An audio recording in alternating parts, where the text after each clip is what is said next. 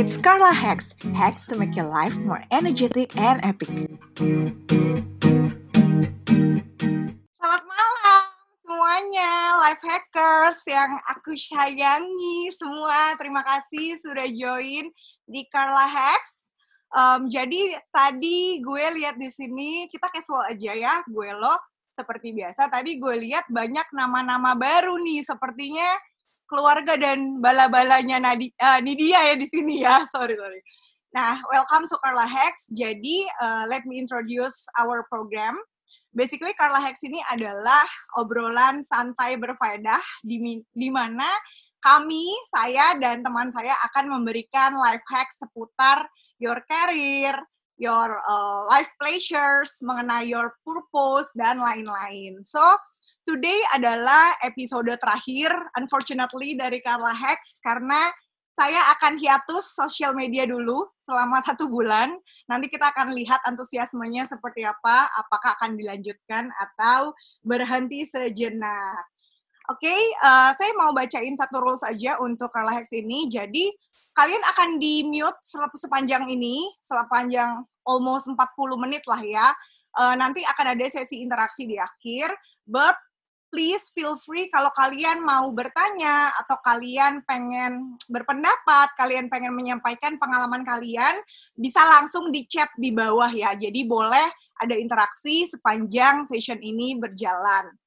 Nah, tanpa berpanjang-panjang, hari ini kita sudah kedatangan uh, teman kita yang sangat amat cantik, namanya adalah Nidia. Halo. Halo. Carla. Halo semuanya. Hai, ini adalah Hai. dia. Oke, okay, so uh, today our topic itu adalah perempuan, peranan, dan juga prestasi. Uh, gue mau memperkenalkan diri gue, uh, gue Carla. Formerly, I was the marketing VP di sebuah startup. Sebelumnya lagi lama banget sampai udah jamuran jadi director di sebuah advertising agency namanya Fortune Indonesia. Di sini gue pengen berbagi hack sama teman dekat gue namanya Nidia. Silahkan Nidia memperkenalkan diri. Halo semuanya, gue Nidia. Uh, currently gue sebagai Head of Partnership, Head of B2B Partnership di Home Credit Indonesia. Um, and starting next month, gue bakalan um, manage my own startup as Managing Director Operation di Zcare.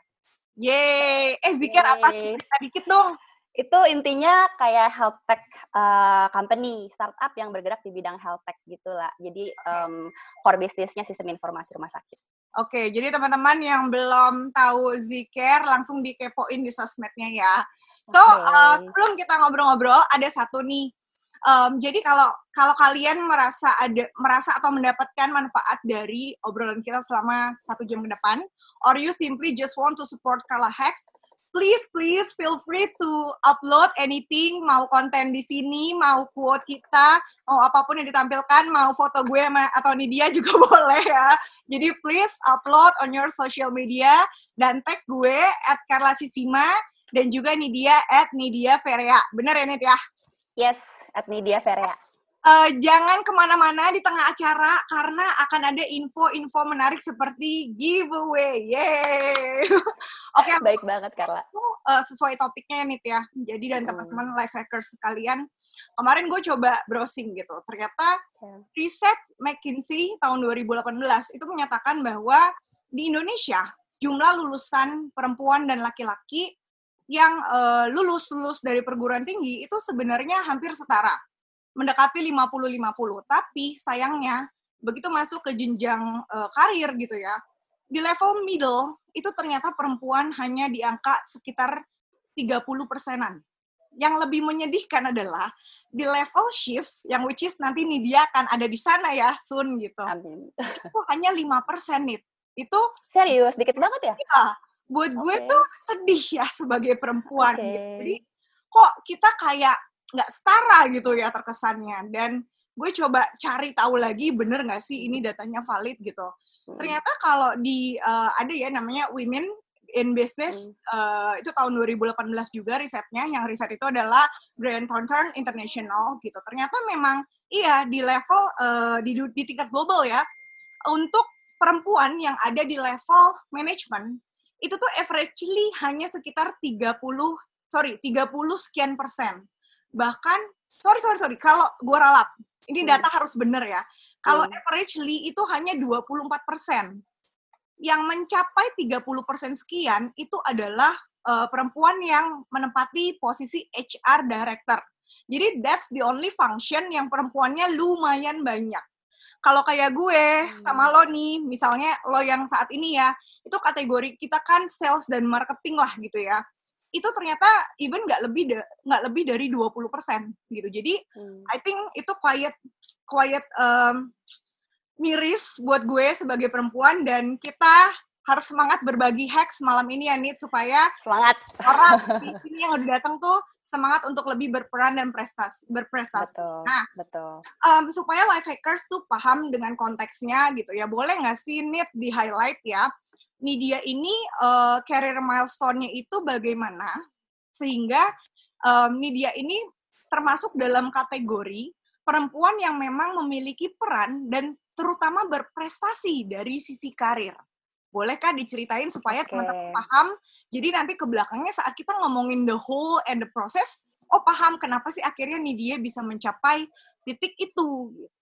Oke, thank you Carla. Uh. I'm sure uh, kita berdua sama-sama punya karir yang alhamdulillah ya. Uh, ber- Alhamdulillah. uh, berprestasi lah, alhamdulillah. Kalau boleh sedikit sharing, sebenarnya gue tuh jujur dari kecil emang orangnya very very apa ya passionate gitu dan langsung kayak uh, benar-benar uh, determine untuk mencapai uh, life goals gue pada masanya. Misal contoh dari waktu gue SD tuh gue udah sering lewat UI, gue mikir kayak gue harus kuliah di sana.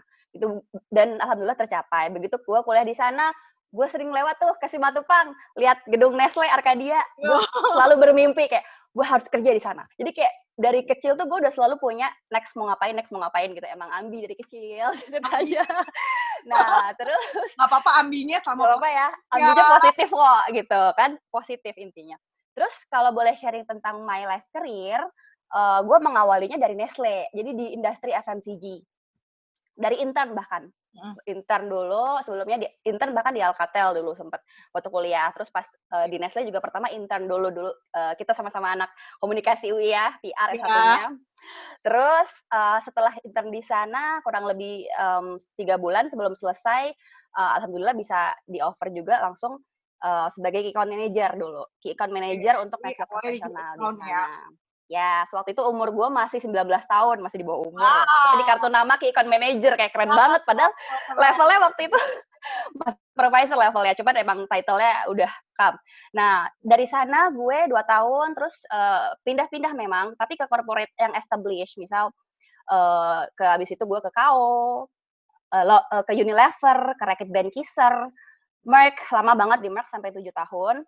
Eh, terus em, abis itu gue pindah ke startup di Bukalapak dan em, sekarang di Home Credit. Dan dari dulu tuh gue memang selalu punya tadi yang gue bilang kayak sebelum umur 25 gue harus jadi manajer gitu. Alhamdulillah gue umur 22 udah level manajer. Terus kayak sebelum umur uh, 3, 30 gue harus jadi levelnya head of function gitu. Waktu itu gue pertama kali jadi head function di Merck um, umur gue 27 dan sekarang next nextnya lagi ya uh, gue pengen jadi director sebelum 35 alhamdulillah um, sekarang sih gue senior VP level sekarang senior VP dan insya Allah starting next month gue jadi managing director itu. Di umur gue sekarang 32 basically sih itu sih milestone gue uh, lah Wah, kita applause dulu ya. Keren Yeay. banget nih teman kita yang satu ini mengangkat ini ya, mengangkat harkat dan martabat.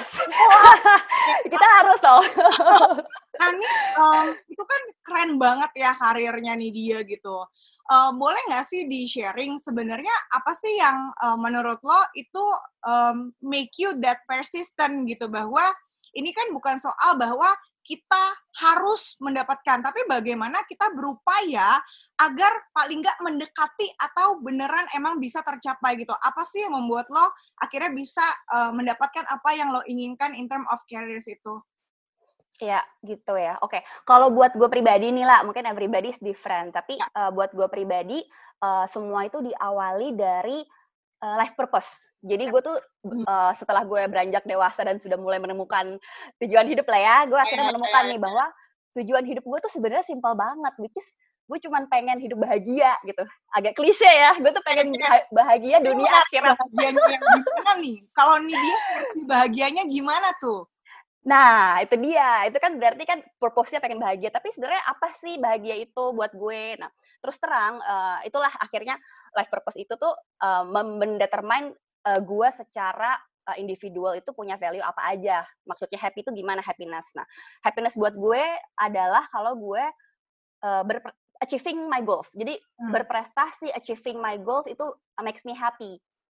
Gitu. Okay. Makanya salah satu value utama gue tuh adalah uh, achievement achievement, um, happiness, family itu adalah value value-value hidup gue. Nah, sebenarnya intinya sih uh, driversnya utamanya itu dari life purpose gue membuat gue menjadi orang yang tadi bervalue itu sehingga itu yang mengedrive gue supaya gue selalu looking for achievement gitu. Gue ada drive dari situ terus terang.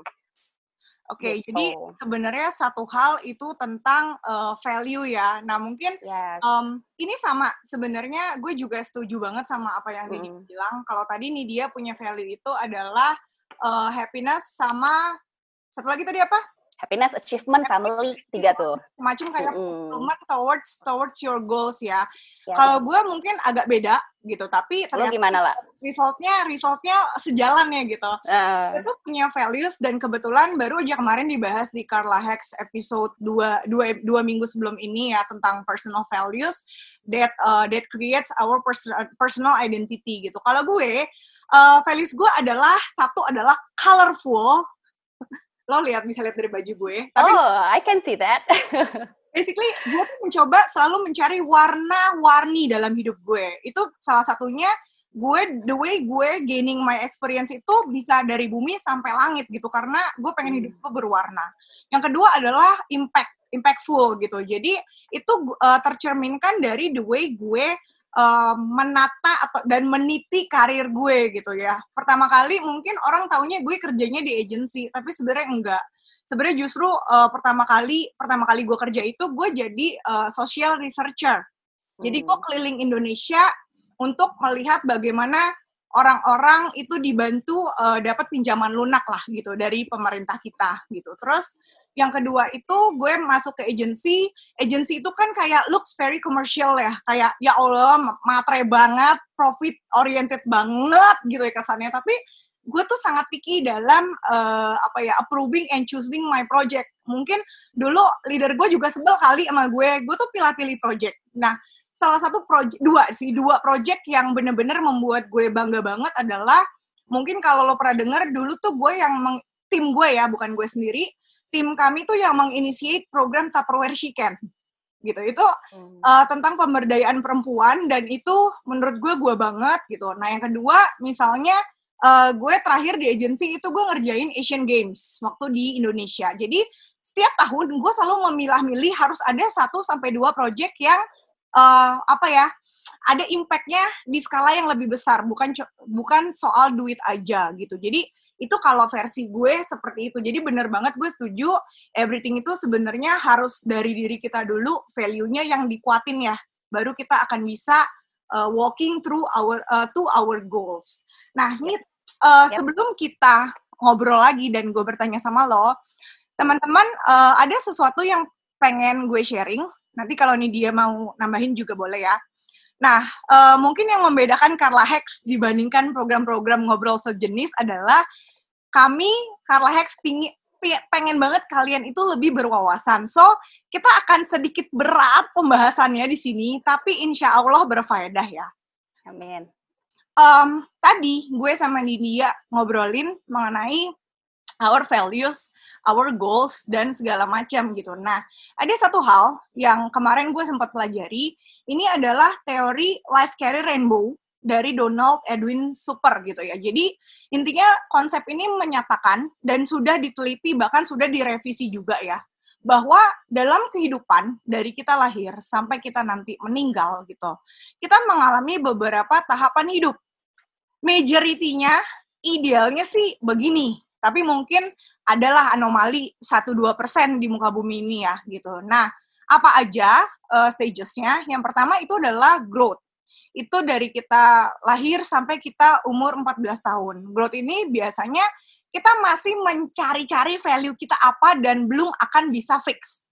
Nah, mungkin tadi kalau Nidia bilang dari zaman uh, sekolah itu sekolah itu pengen masuk UI itu di ujung fase growth itu udah mulai kebentuk tuh value-nya gitu setelah iya. dicari-cari gitu ya walaupun belum fix sih tapi ya, mulai ya. mengarah lah ya ya udah ada kira-kira kayak begitu gitu ya yeah. nah yang kedua ini exploration nah exploration ini sebenarnya udah mulai agak mateng nih value-nya gitu tapi masih nyari pengalaman sana sini, pengalaman hidup, pengalaman menuju karir. Jadi masih cari-cari lah gitu ibaratnya, masih explore. Kemudian yang ketiga adalah establishment. Sorry, sorry, skip. Kepencet karena lagi nge-approve teman-teman masuk. Yang ketiga adalah establishment. Biasanya umur 26 sampai 45. Di sini biasanya value-nya udah jejak. Biasanya udah tahu apa value hidup gue, karir apa yang pengen gue capai dan tentu during fase establishment ini bisa jadi ada perubahan. Karena yang namanya self concept itu bisa jadi uh, tidak fix gitu ya. Kalau memang ada yang lebih baik ya why not? Yang keempat adalah stage-nya namanya maintenance. Nah itu biasanya biasanya nggak bergerak banyak dari fase establishment. Jadi sifatnya adalah improving sifatnya adalah updating dan enriching ourselves our career, our life, dan segala macam. Yang terakhir, yang tentunya kita pengen ada di fase ini dengan bahagia dan mencapai semua end goals hidup kita sebelum kita meninggal, yaitu disengagement. Di mana ini adalah bisa dibilang final stage lah gitu. Kita lagi uh, persiapan dan fokus untuk retirement, dan bahkan tapi sebenarnya ada ya tokoh-tokoh yang lebih dari 65 bahkan udah kemarin gue ngobrol sama satu sahabat gue uh, Pak Emir Salim udah umur 90-an masih tetap berkarya. Again, uh, nggak semua orang juga bisa seperti itu, tapi kalau bisa lebih bagus. Nah, yang menarik dari konsepnya si Super ini adalah during our lifetime gitu ya, lifespan ini, kita memerankan beberapa peran. Ada delapan, kalian bisa lihat di sini juga ya. Yang pertama itu kita sebagai anak. Nah, kalau peran ini biasanya ditimbang dari time span kita. Kita menghabiskan waktu kita sebagai apa untuk siapa sebagai anak tentu untuk orang tua. Kita sebagai student, student ini sebenarnya nggak melulu uh, dalam arti bangku apa bangku sekolah ya, bangku pendidikan, tapi kita tetap mencari ilmu. Kemudian ada kita sebagai leisure leisure Leisure ini kita menikmati hidup, bersantai, liburan, cari apa ya, cari cari kesenangan dan lain-lain. Kemudian ada citizen citizen ini maksudnya bukan berarti mengabdi pada negara, tapi doing the uh, community community atau voluntary uh, works lah gitu ya, lebih ke sosial. Kemudian ada kita sebagai worker. Nah yang menarik adalah lihat deh, worker ini si hmm. bulat-bulatannya dari umur di sini sih dia taruh averagely umur 30 sampai hmm. 65 tahunan ya. Itu bulat-bulat itu relatif sama tuh. Hmm, relatif maksudnya sama. apa tuh lah? Nah, maksudnya bulat kecil gede ini adalah uh, komposisi. Hmm. Misalnya, kalau misalnya nih, bagian yang menarik misalnya kayak yang parent. Parent, ya. itu kita umur 35, uh, 35 sampai ke 50, itu biasanya gede tuh perannya. Kita sebagai orang tua terhadap anak kita. Tapi hmm. begitu kita udah makin berumur, biasanya role kita sebagai parent akan berkurang karena hmm. mungkin anak kita sudah dewasa, anak kita yep. sudah uh, menikah, anak kita sudah punya kehidupan baru dan lain-lain. Terus hmm. kita juga spouse dan again ini kan teori secara majority ya bisa jadi memutuskan tidak menikah atau tidak punya pasangan bisa juga tapi once kita memang memutuskan jadi spouse, itu akan terus berlanjut ya sampai kita meninggal. Dan yang terakhir tuh homemaker. Ini yang menarik, homemaker ini ternyata ada perannya dalam hidup secara konsep ini ya. Jadi perannya hmm. itu untuk uh, kita grocery, kita bersihin iya. rumah, kita apa namanya menata rumah dan segala macam karena home itu ibaratnya is where uh, the heart is lah gitu. Nah, uh, dari sini sebenarnya uh, tadi kalau nih dia kasih contoh uh, dulu pengennya apa, nanti pengennya apa gitu. Sebenarnya teman-teman kalau value itu dirasa terlalu berat, jadi uh, kadang mungkin ada orang yang ngerasa apa sih value gue nggak ngerti gitu ya walaupun dia sudah membaca-baca mencoba mencari tahu kemarin pun sebenarnya nih di Carla Hex itu hmm. udah kita ajarin bareng cara nyari value kita gimana tapi hmm. kan quiet abstrak ya gitu yep. jadi ada cara lain nih untuk mengexercise uh, value atau goals kalian. Jadi yang pertama adalah tahu dulu roles kalian saat ini dari 8 roles itu, itu bagaimana sih persentasenya? Cara gampangnya adalah hitung aja dari waktu yang kalian habiskan selama let's say sebulan. Hitung tuh, kalian sebagai worker berapa persen, parent berapa persen, spouse berapa persen, dan lain-lain. Di sini uh, pasti akan objektif karena based on time span lah gitu.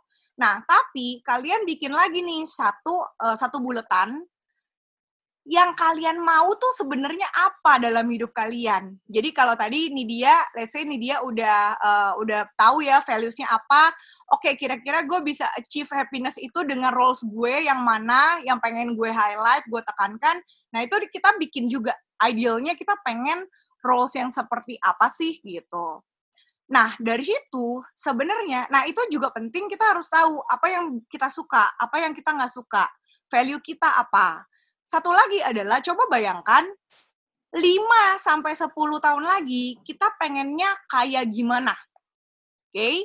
Nah, nanti file ini akan gue bagiin, kalian bisa exercise. Ini ada tiga chart. Jadi nanti file ini akan dikasih, kalian bisa exercise di rumah, jangan di sini. Nanti gue dia nggak lanjut ngobrol, jadi ngebahas ini ya, gitu. Jadi yeah. kalian coba, ini mungkin gue kasih PR lah gitu ya kalian bikinlah tiga tiga apa tiga chart pie chart ini diisi and then kalian identify. Kira-kira dari roles pie chart kalian yang sekarang menuju ke ideal roles kalian dan yang long termnya barriernya apa sih? Challenge-nya apa sih?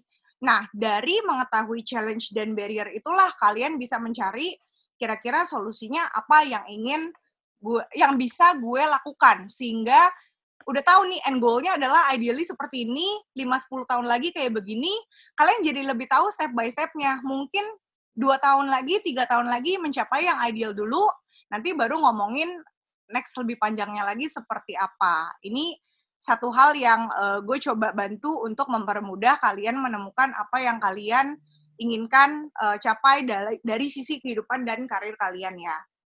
Nah, itu ilmu pertamanya, Ci. Sekarang kita lanjut. Banyak ilmunya ya, Carla. Kita karena ibu dosen, Bu. Jadi oh, iya, pantas. Oke, sekarang By the way lah kalau ada yang di waiting room mungkin coba dicek siapa tahu ada yang perlu di accept ya. Enggak, lagi enggak. enggak. Nah, teman-teman silakan kalau mau ada pertanyaan-pertanyaan boleh ya di chat. Sekarang gue mau nanya lagi ke Nidia, balik ke karir dan perempuan. Oke. Okay. Gimana sih nih lo memandang um, perempuan di dunia karir dalam arti gini. Hmm. Menurut lo, apa sih yang perempuan bisa kontribusikan di dunia ini terutama um, melalui karirnya gitu ya. Dan kenapa sih harus ada perempuan? Emang kalau pemimpin-pemimpinnya laki-laki aja kenapa? Menurut lo? Mohon maaf ya laki-laki yang ada di sini. Kami tidak maksud uh, apa ya menjatuhkan uh, gender satu atau jenis kelamin yang lain tapi mm. ini adalah point of view kami sebagai perempuan gimana okay. nih kalau pendapat gue pribadi ya sebenarnya sih gue ngeliatnya dari angle yang mungkin simple dulu nggak terlalu berat ya mm. kalau dari pengalaman gue ngelihat nih di dunia uh, selama gue berkarir sebenarnya uh, tetap sih perlu ada peran perempuan di yeah. even di dunia kerja yang corporate gitu. Kenapa? Karena menurut gue perempuan sama laki-laki itu however akan saling complementing, akan saling melengkapi. Nah, kalau um, misalnya nih ya, perempuan itu biasanya kita uh, lebih approach-nya lebih luas gitu yeah. kan, terus yeah. lebih empati, lebih use our heart, lebih menggunakan hati lah ya, tapi tanpa uh, mengesampingkan objektivitas ataupun profesionalitas gitu, yeah. as simple as that. Jadi kalau boleh cerita sedikit nih ya, sebenarnya uh, jadi perempuan juga nggak mudah nih di dunia karir. Boleh cerita sedikit lah soal itu? Banyak juga boleh. Ini banyak juga boleh. Oke, okay, jadi kalau dari pengalaman gue pribadi ini sampai jam 12 malam ya teman-teman. Mudah-mudahan sabar ya dengerinnya nih. Mudah-mudahan menarik. Jadi kalau sedikit uh, sharing tentang pengalaman gue uh, sampai gue di titik sekarang ini juga sebenarnya bukan suatu hal yang mudah dan smooth sebenarnya lah. Hmm. Kenapa gitu ya? Uh, karena jujur banyak banget orang um, apalagi yang senior-senior terutama ya, yang menstereotip bahwa umumnya tuh kalau perempuan itu uh, kalau dia uh, punya beauty, jarang yang dia punya brand and behavior. Iya, gue Jadi kayak ada stereotip kalau cewek muda, menarik, itu biasanya nggak pinter. terus dia nggak mateng, nggak punya leadership yang uh, kuat gitu. Itu uh, kadang-kadang gue merasa uh, people kalau pertama kali lihat mengakuinya dari fisik aja tapi uh, they don't really understand uh, behind me itu sebenarnya dalamnya gimana sih capability-nya gitu ya hmm. terus kompetensinya itu di awal nggak akan kelihatan. Orang biasanya akan underestimate. Setelah mengalami kerja bareng intens baru tuh kelihatan semuanya gitu. Jadi menurut gue sih agak jadi orang kalau ngelihat kesannya nih dia sekarang oh ya hidupnya mudah banget kayaknya dapetin uh, karir yang sempurna misalnya ya udah misalnya udah ini itu ini itu segala macam kelebihan. Tapi jujur itu uh, dengan perjalanan yang sulit justru kalau kita semakin uh, apa namanya uh, sometimes perempuan tuh di underestimate gitu dari segi fisik bukan fisik berarti kalau ya, ya jelek, ya, jelek gak menarik aja justru menarik pun juga malah di stereotip uh, seperti itu sometimes nggak selamanya sih. Kalau sekarang untungnya sudah makin modern uh, udah makin banyak orang-orang milenial yang open minded jadi cukup lebih mudah dibanding dulu awal-awal merintis. Orangnya belum kenal Nidia dan Carla sepertinya iya sepertinya. Bukan sombong ya. Uh, gara-gara lo cerita gitu gue jadi inget tahu nggak sih Nit? Jadi Apa tuh? Di my last company kemarin gitu ya. Uh, uh. Level gue itu karena gue reporting langsung ke CEO ya gitu. CEO okay. dan CEO. Okay. Uh, dua-duanya gue reporting langsung. Jadi di posisi gue di level gue kemarin, gue tuh perempuan satu-satunya. Jadi um, ya lo kan tahu gue lah ya, gue orangnya lumayan riuh kayak pengennya semua komplit apa bagus gitu ya. Jadi yeah. ketika saat gue hari pertama masuk kantor, Hmm. Ya gue kan nggak tahu kantornya kayak gimana karena pas interview hmm. segala macem gue nggak mau ke kantornya, maunya ketemu di tengah gitu kan karena okay. agak jauh. Ya gue bawa dong semua perkakas kantor gue termasuk tipot gue untuk ngetes sore ya. Jadi semua gue bawa gitu ya. Gue datang dengan baju atas bawah warna merah dengan rambut di blow dan dandanan full gitu ya. Terus tuh itu ternyata tim gue hari pertama tuh pada melecehkan gue nih. Dengan cara? setelah kenal gue barang sebulan, mereka baru bilang, dan di sana sorry ya bukan bermaksud rasis karena memang banyak hmm. ini mereka manggil gue Ci Carla gitu. Karena gue okay. muka begini gitu tuh tapi dia bilang Ci tahu nggak sih Ci? Jadi ada satu manajer yang ngomong ke gue Ci lo tahu nggak gue pikir hmm. waktu pertama kali lo masuk lo tipe yang bisanya dandan doang gitu. Jahat oh, banget sama banget lah I feel you. Emang ya. Emang kalau orang muda menarik dikiranya kita tidak tidak deep gitu ya. Karena jadi mentang-mentang kita lumayan kece, kita pede banget ya. Punya nggak punya apa nggak punya uh, capability kan Iya, yeah, typingnya banget gitu padahal hmm. belum tentu nah belum tapi tentu. Uh, kalau nambahin tadi uh, gue setuju hmm? tadi sebenarnya menyangkut ya menyambung yang lo bilang soal uh, emo apa lebih emosional gitu perempuan. Um, waktu itu ada yang pernah nanya ke gue nih di Instagram nih, nanyanya gini, hmm. lah gimana sih kalau perem eh gini dia nanyanya adalah hmm. uh, gimana ya jadi pemimpin yang nggak baper? Soalnya perempuan kan biasanya baper. Dia bilang gitu. Oke. Okay. oke, okay, gue langsung jawab gini. Kata Apa? siapa perempuan itu pasti baper? Menurut gue enggak gitu. Bahkan uh, sebenarnya gini, the way kita kita itu punya kelebihan menurut gue ya bahwa gue baca waktu itu riset dari UCLA bahwa ternyata perempuan itu memiliki kemampuan untuk berempati lebih tinggi dibanding laki-laki. Itu riset membuktikan ya. Yes, tadi empati, betul. Yes, betul. Jadi justru dengan kelebihan kita inilah kita bisa uh, apa ya, mentouch, menjadikan diri kita tuh lebih uh, intimate sama tim kita nggak sih gitu dibanding Betul sekali. I love my team. Coba di sini ada beberapa tim gue ini pasti tahu banget deh Jadi how we can relate. Personal touch, yes. personal intimacy, intimacy itu lebih bisa gampang didapatkan sama leader perempuan dibandingkan leader laki-laki gitu. Dan mm -hmm. I mean like kita tuh bisa menurut gue ya based on my experience gitu. Uh, mungkin lo bisa cerita versi lo juga. Hmm. Uh, gue merasa sebagai perempuan dan gue kan banyak nanya-nanya juga ke tim gue ya eh dulu gimana tim marketing? Uh, dulu gimana sebelum gue? Gitu. Biasanya gue suka nanya-nanya gitu. Kita, kita tuh perempuan kayak lebih bisa narik ulur gitu loh. Lebih bisa marah-marah marah-marah tegas tapi baik ya lagi baik banget gitu. Dan sekarang menemukan laki-laki seperti itu ya. Biasanya yes. laki tuh kalau nggak lempeng-lempeng nyolot-nyolot Bahaya banget, bahaya banget. Tapi kita tuh kayak lebih bisa dramatik ya nggak sih? ekspresif kali ya. Lebih Kalau- ekspresif kali ya. Kalau lo Heeh. kejadian lucu nggak di situ? Apa tuh? Oh, tentang yang Yang- tadi. Itu yang oh, ini ada yang komen nih. Apa tuh? Perempuan yang ber, dari Jasmine Putri ini dari sahab- ini sahabat gue.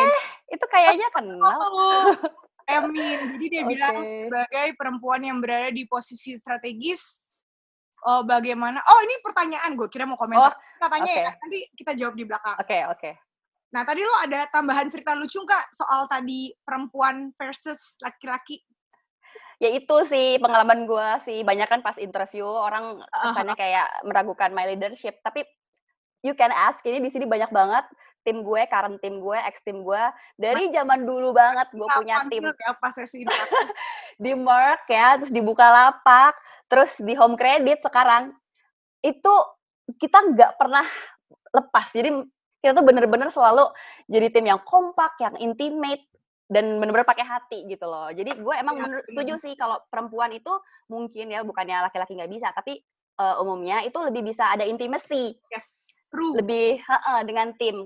Sedangkan menurut gue intimacy itu adalah salah satu ingredients eh, leadership yang baik gitu loh. Karena tanpa intimasi lo nggak bakal bisa kerja pakai chemistry ya. Cek Yes. nih. Iyalah, selain trust dan lain-lain ya, uh, intimacy itu menurut Betul. gue one of the key kita bisa benar-benar align gitu. Karena benar-benar kita tulus pakai hati memang we are doing the best for the team. Ya, ya. Nggak ada hidden agenda and everything gitu. Betul. Jadi itu eh, teman-teman perempuan di sini yang masih eh, berkarir atau masih berjuang, jadi eh, manfaatkanlah kelebihan-kelebihan kita sebagai perempuan. Oke. Nah, ini um, Yes. gue mau nanya mengenai your uh, career journey lah gitu ya.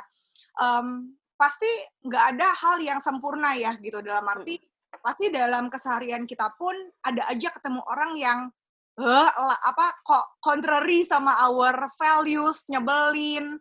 Kadang juga mungkin ada rasa malas, bosan, capek dan segala macam. Apalagi kerja di startup itu kan ya lo tau sendiri jam kerjanya gitu ya uh, how you anticipate itu sih Gi? gimana cara lo membangkitkan semangat lo lagi Oke. supaya on terus dan di depan tim lo wah mbak Nidia semangat terus nih Kalau tahu sih, lu pasti gitu juga.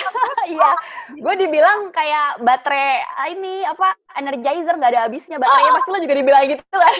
kalau itu punya cerita lucu ya jadi kalau ada yang nanya ke gue mbak Eh. kenapa sih baterainya nggak pernah habis Iya. itu nggak jawaban gue apa Apa? gue belinya di Zimbabwe jauh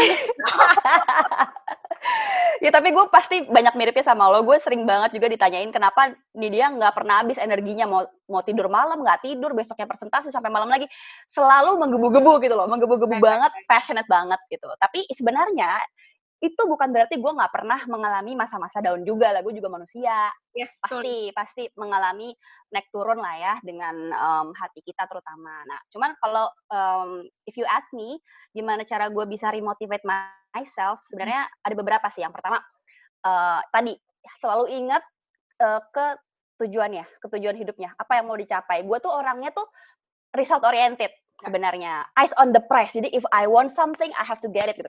I want it, I get it. Jadi kayak gue fokus gitu ke apa yang mau gue capai. Jadi segala sesuatu di proses perjalanannya itu uh, it's just proses.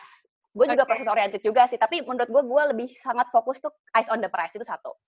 Yang kedua, eh, alhamdulillahnya lah gue punya uh, support system yang sangat positif, which is uh, uh, my family ya suami gue, terus up lo nih Nit.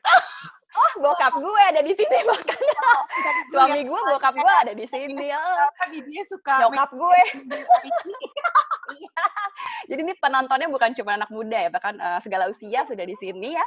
Eh, jadi my family itu juga eh, support system yang eh, sangat penting untuk nge-build my confidence. Jadi kalau misalnya gue um, down, pastinya gue akan um, apa namanya share my feelings with them. Dan family kan gak akan pernah pengen yang hal yang buruk ya sama kita. Pasti akan berusaha kita eh, lebih baik lagi gitu. Nah yang terakhir eh, menurut gue juga dengan cara supaya kita semangat lagi kita kalau sebisa mungkin kita surround ourselves di lingkungan yang memang positif gitu. Jadi lingkungan teman-teman ataupun lingkungan yang eh, saling mensupport each other, yang ngedrive untuk eh, positivity. nggak yang toxic. Jadi even itu gue praktekkan sendiri sih ke pekerjaan. Mungkin temen uh, tim gue di sini tahu banget, gue tuh orang yang sangat selalu campaign positivity di dalam tim. Karena itu kunci supaya kalau kita down, kita uh, demot, apa pun yang terjadi. Kemarin tuh gue baru, honestly gue baru layoff tujuh orang, ya open aja ya, uh, karena bisnis uh, needs gitu ya. Tapi walaupun itu terjadi, tim gue hebat banget masih bisa comeback lagi, motivasi lagi, langsung bisa move on dengan cepat dan even perform better gitu. Karena yeah, yeah. Uh, positivity within the team yang strong gitu. Jadi surround ourselves juga dengan lingkungan yang positif, yang suportif, yang uh, yang not toxic gitu kurang lebih. Itu sih tips-tips gue lah. Gue ada beberapa respons. Yang pertama, nih berarti hmm. lu Ariana Grande dong ya? Soalnya I want it, I got it. Iya. yes, gitu gue kalau udah kalau kata laki gue kamu tuh apa aja pasti bisa. You just have to want it. Harus mau aja. Kalau udah mau pasti bisa. Jadi itu karena karena lo lo cerita soal layoff itu ya uh, gue uh, can relate sih karena gue tuh sampai uh, pernah dapet julukan zaman di agency tuh uh, ini tau gak sih tukang tukang ngekat orang karena ya kalau ya kalau udah urusan ngekat diserahinnya ke gue. Ya Allah.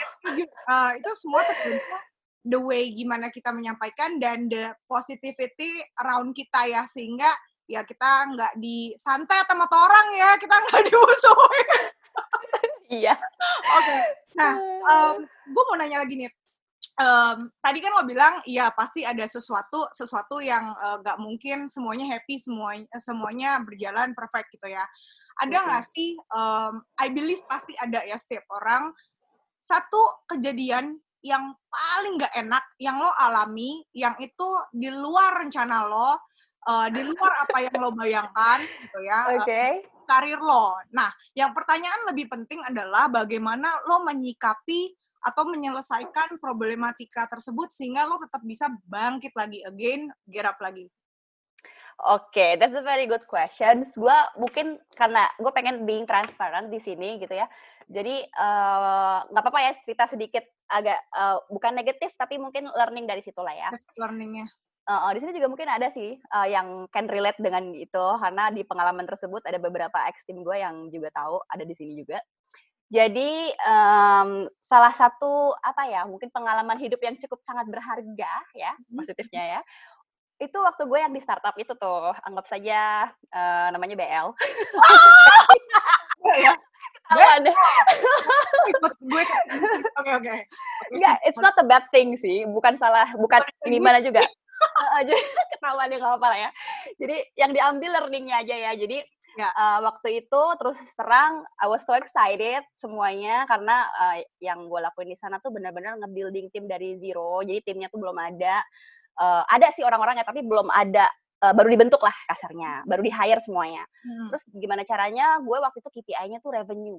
Okay. Selama setahun lamanya revenue-nya tuh nol. Oke. Okay. Nah, KPI dari awal udah jelas. Ini dia KPI lo revenue katanya. Oke. Okay. Terus nol timnya belum pernah uh, ada apa-apa sama sekali. Terus uh, di sana awalnya gue happy banget karena sebenarnya di startup juga banyak hal positif ya which is lebih fleksibel lebih uh, apa family lebih ah. nggak terlalu birokrasi gitu ya. Ya ya ya. Nggak seperti di corporate gitu. Tapi ekstrim bedanya corporate tuh birokrasi hierarki startup itu dinamis banget agile banget gitu. Jadi waktu itu yang bikin uh, summary-nya kenapa uh, waktu itu buat gue um, apa ya agak sedikit negatif karena uh, gue terus terang nggak terlalu suka kalau uh, our great performance is not well acknowledged by the company.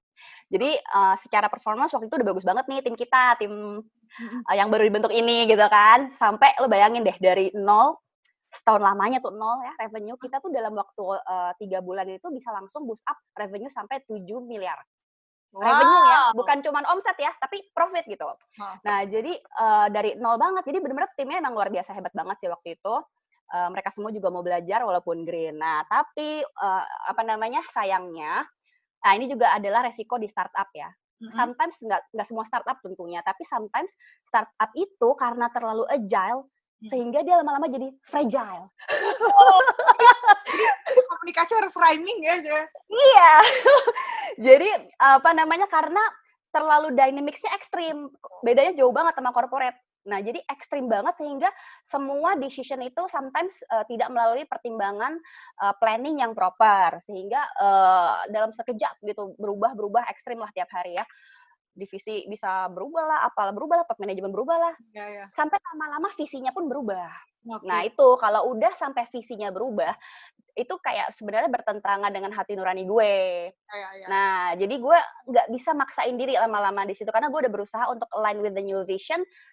Uh, juga nggak bisa terus eh, uh, apa namanya lama-lama jadi bias nggak lihat based on performance gitu kan Jadinya jadi subjektif apa enggak apanya ada unsur subjectivity ya jadi subjectivity karena sometimes gitu kalau startup tuh uh, resikonya juga terlalu driven by investor. Jadi uh, apa yang investor drive ya ke arah sana gitu. Enggak ngejarnya tuh top line, GMV, hmm. bukan sustainability. Benar. Gitu sometimes. Itu jadi pengennya jangka pendek jangka pendek sedangkan gue tuh orangnya terus terang gue pengennya sustainable gitu loh. Gue pengennya ini e, bertahan jangka panjang, nggak cuma sekarang hmm. doang. Jadi agak sedikit lama-lama tuh melenceng visionnya, sehingga gue nggak bisa align lagi. Nah mau nggak mau, ya udah yang gue tadi yang lo tanya apa yang gue lakukan.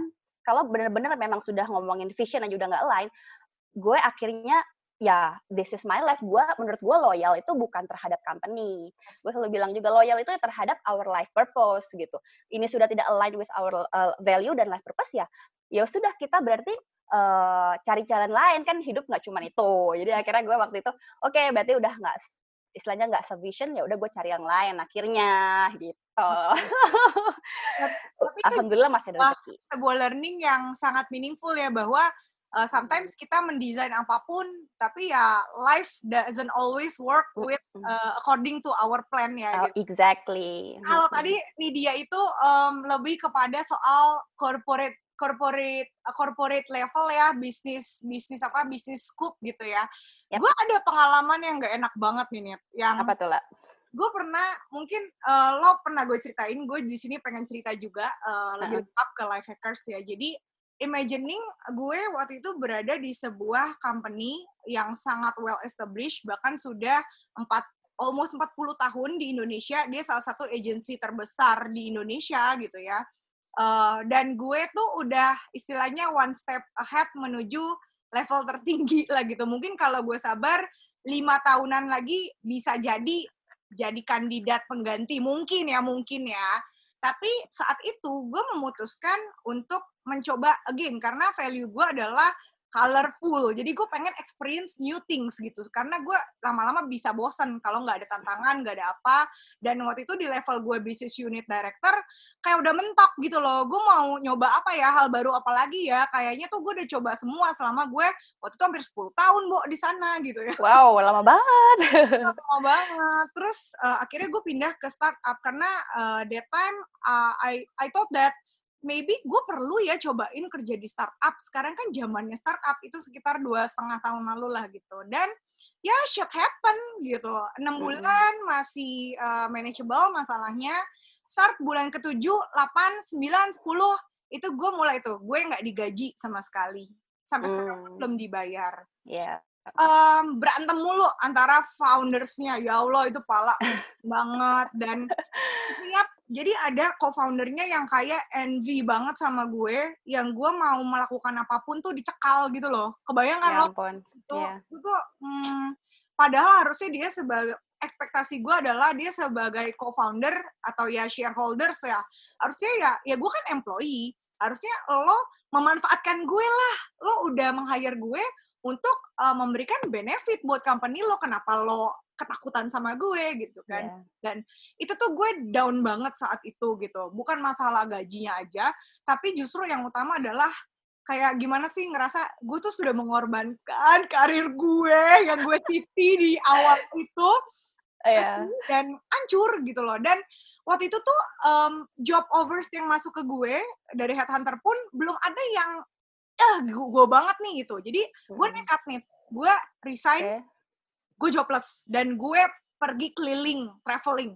Karena buat detoxing myself gitu ya. Mm-hmm. dan akhirnya dapet tuh. Akhirnya kebetulan pas uh, selang baru semingguan uh, ada telepon uh, langsung deal oke okay, join lah gitu. Ke startup lain yang lebih well established karena udah fundingnya udah seri C gitu. Nah cuman gue uh, ada satu learning yang gue rasain adalah uh, jalanin aja when you experience the worst ya um, face it. Karena saat kita udah ngalamin satu hal yang buruk banget kita tuh insya Allah will be able to manage everything.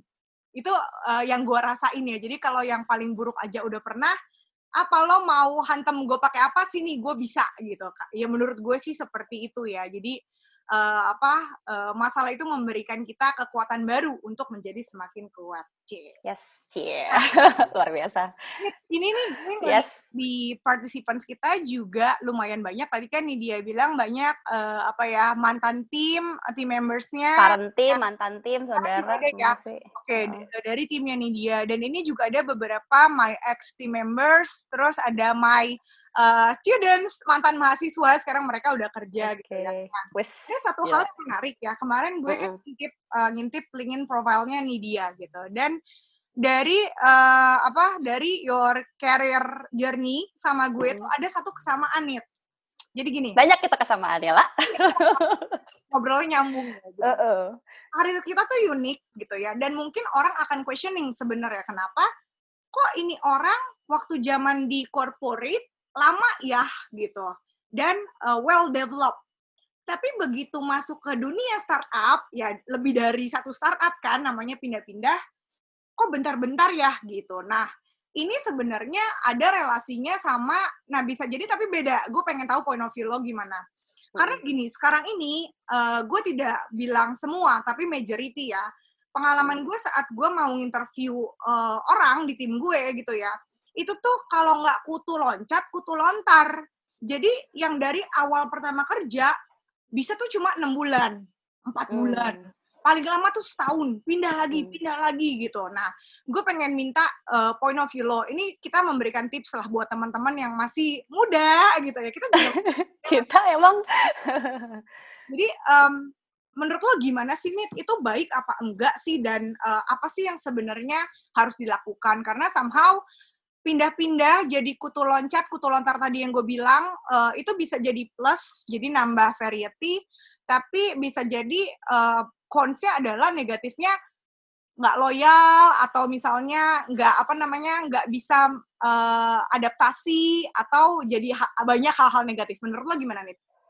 Oke, ini pendapat gue lah ya, again. Jadi uh, kalau banyak sih ya, kalau gue biasanya ngasih masukan nih ke saudara-saudara gue yang masih kuliah atau baru berkarir atau teman-teman gue atau tim-tim gue, sebenarnya uh, biasanya gue selalu uh, suggest-nya tuh gini, ideal karir ya for yeah. me. Kalau apalagi kalau misalnya kita bisa mengulang waktu, yang ideal tuh gimana sih? Hmm. Menurut pendapat gue, tadi setuju. Sebenarnya bukan berarti pindah-pindah itu juga bagus sih.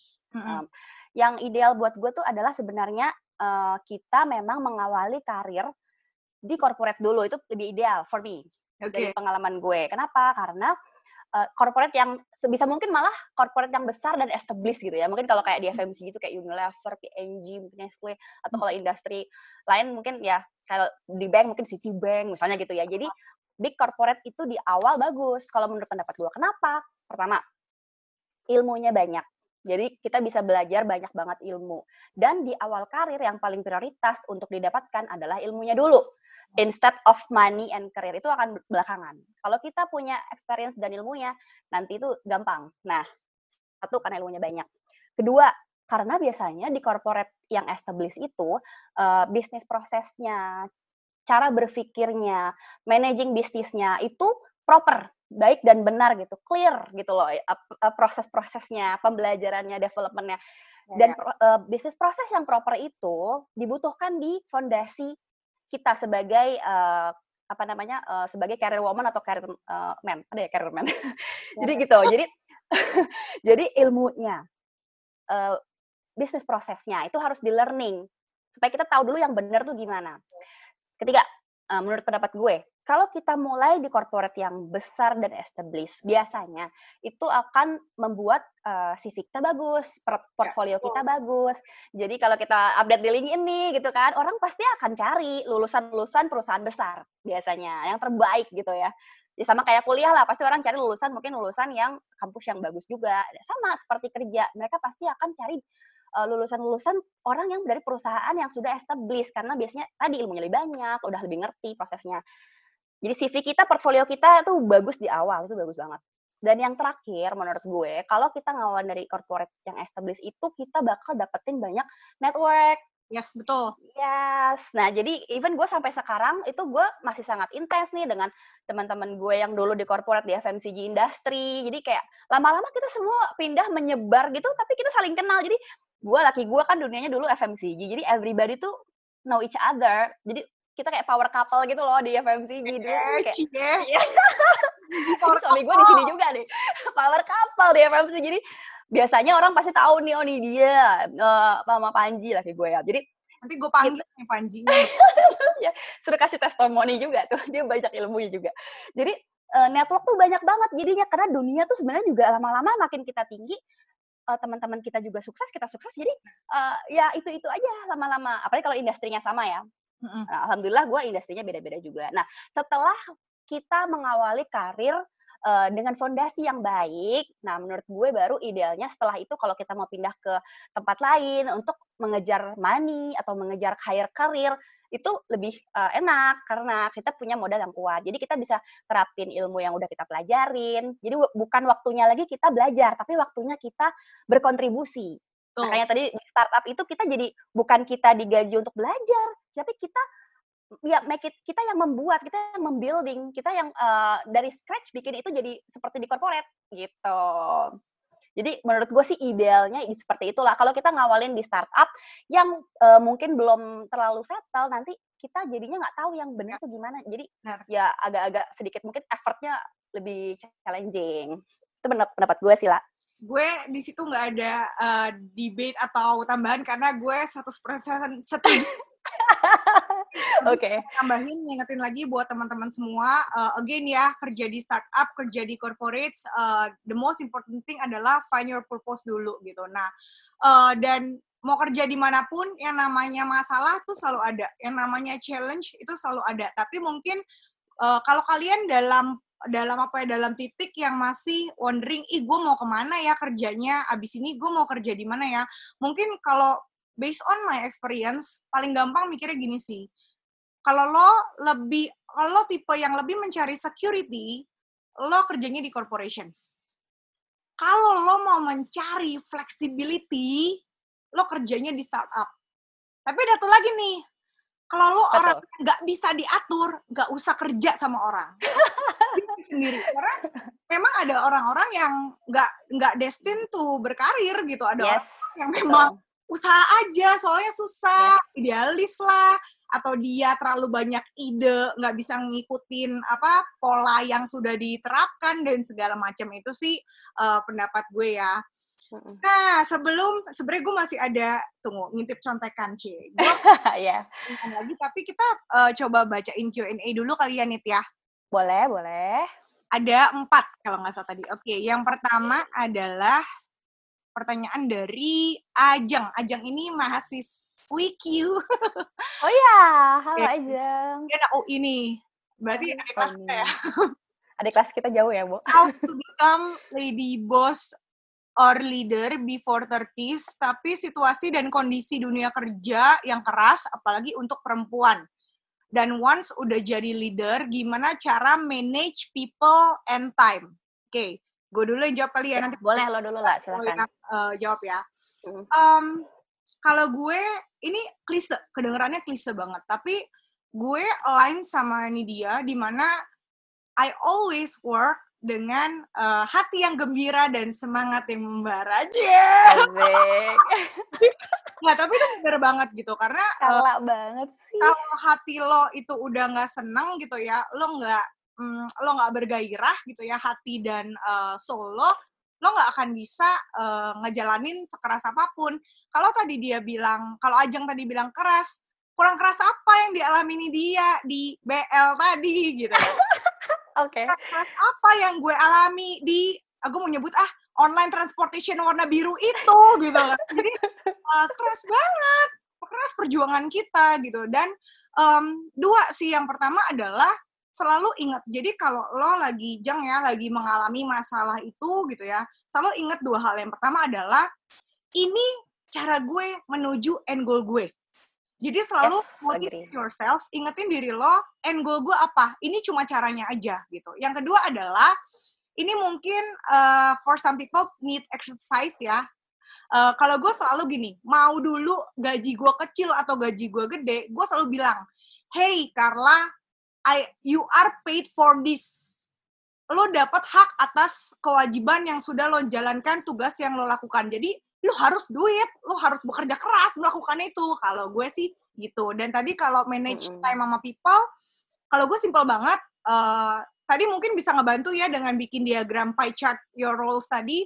Gue orang yang selalu menyempatkan dan uh, gue nggak percaya balance. Nggak ada, nggak mungkin kita bisa dapetin full perfect balance dalam hidup kita. Tapi gue selalu menyempatkan selain gue bekerja, gue bermain, gue olahraga, gue traveling itu adalah yeah. dan uh, beribadah gitu. Itu kalau gue. Jadi selalu gue gue sempil-sempilin gimana caranya itu biar tetap mm -hmm. uh, apa ya justru itu menambah semangat gue jadi bisa manage time dan manage people yang ada di kehidupan gue. Kalau ini dia gimana? Bagus banget lah jawaban Lola, setuju. Nah kalau nambahin ya, nambahin kalau gue uh, gimana Lady Boss uh, di situasi yang keras, oke. Okay. Uh, apa namanya? Nah, kalau menurut pendapat gue tadi selain yang udah kita bahas ya tentang uh, stick to the goals, tentang hmm. apa positivity dan lain sebagainya, menurut gue uh, kita uh, perlu juga ini sih kalau gue tipikalnya yang work hard play harder gitu loh lah ya, ya. jadi tetap harus berusaha untuk enjoy uh, jadi nggak terlalu bukan gue tuh bukan orang yang ambisius terus gitu. Sebenarnya dasarnya gue tuh pemalas. Justru karena gue malas gue pengennya tuh cepet gitu loh cepet dapet cepet sukses. Nggak mau lama-lama. Jadi uh, itu sih. Dan selain itu supaya kita bisa uh, survive juga menurut gue ya mindset juga sih. Mm -hmm. um, menurut gue uh, kunci dari kita merasa merasa kaya, merasa sukses itu adalah salah satunya juga rasa syukur. Jadi oh. gue selalu hmm. mempunyai rasa bersyukur gitu. Walaupun selalu ambisi untuk next next next, tapi hmm. di satu sisi gue juga bersyukur banget bisa sampai dengan uh, setiap tahap yang udah gue achieve. Nah, perasaan grateful tersebut itu bisa membuat kita juga uh, lebih positif. Jadi lebih lebih bertahan di situasi yang keras karena masih banyak orang-orang yang lebih buruk dari kita masih banyak orang-orang yang susah bekerja yang perempuan-perempuan lain yang tadi lo bilang mayoritas perempuan yang lulusan kuliah yang sama edukasinya tapi juga mungkin uh, belum sampai di titik seperti strategik seperti kita jadi rasa bersyukur itu menurut gue membantu untuk uh, kita bisa uh, uh, bersabar dan strong di situasi yang keras. Nah, terus gimana cara manage people and time? Oke, cara manage people and time. Balik lagi tadi gue sebenarnya kerja juga fun, bukan yang uh, setiap hari serius. Gue malah casual banget kalau sama tim. Uh, supaya bisa manage, satu selain gue sebenarnya orangnya nggak suka lembur, tapi gue tipikal yang gini kalau gue masuk ke suatu perusahaan, gue bakalan berinvestasi waktu, tenaga, effort, uh, dan keringat di awal. Jadi gue berinvestasi banget untuk tim gue supaya mereka itu benar-benar clear. Mm terdevelop, mereka benar-benar improve. Hmm. Jadi misalnya yang tadinya uh, apa yang kurang, gue lihat dulu tergantung apa yang opportunity yang perlu diimprove. Misalnya mereka tadinya kurangnya skill ini gitu ya. Dari awal tuh gue kayak berinvestasi, gue ngajarin dulu, gue ngedevelop dulu. Selalu dari dulu gue kayak gitu. Make sure mereka itu upgrade. Dengan mereka itu upgrade, secara nggak langsung kita satu performance-nya bakal tercapai. Ya. Kedua, nggak yeah. cuma tercapai, tapi lebih sustainable. Betul. Jadi gue selalu analoginya gini, gue bilang sama tim gue kemarin baru sering one on one, gue selalu bilang kayak kita seakan-akan kayak punya anak nih orang tua. Hmm. Tujuannya adalah supaya anak ini kenyang. Nah, hmm. kalau dia mau kenyang, biasanya kita suapin nih kasih makan, dikasih yeah. direction, eh lo gini, lo kerjain ini, lo kerjain ini. Itulah nyuapin. Tapi gue selalu dari awal nggak gitu. Gue itu berusaha ngajarin develop tim gue supaya mandiri, supaya anak gue itu bisa berdagang, cari duit, dan bisa makan kenyang juga. Tapi kenyangnya itu sustainable ya. ada nggak ada gue dia bakalan tetap bisa. Nah itu karena gue sangat invested di awal invested banget supaya tim gue ini upgrade mereka semua pun maju mereka punya leadership yang bagus mereka mereka uh, tahu berstrategi mereka bisa berpikir bisnis. Lama-lama enak gue nya jadi sek sekarang itu gue tinggal nih ada tim gue di sini nih ya ada Desi ada Tania tante ada Diki. Mereka tuh udah jago banget dulu udah jago lah intinya udah udah gue nggak usah ngomong sometimes they read my mind apa yang gue mau jadi gue sekarang hanya tinggal mau nggak mau in the long term dalam waktu tiga bulan aja gue udah melepas tinggal memberikan ekspektasi memberikan guidance memberikan motivasi gue nggak mengerjakan itu semua sendiri capek di awal abis itu enak hidup bahagia. Sekarang gue menuai apa yang gue tanam. Eh tapi mau pindah lagi. Makanya. gue percaya ya Nit bahwa um, ini bukannya kita bermaksud uh, narsis enggak ya, tapi yeah. bahwa the quality of your team itu adalah cerminan kualitas leadernya. Itu exactly. Gua, uh, jadi um, ya tim lo jelek, ya berarti there's something wrong with you. Dan anyway, gara-gara lo tadi ngomongin tentang tim development, gue jadi pengen nambahin satu, tapi mungkin nggak uh, nggak panjang karena another topic ya.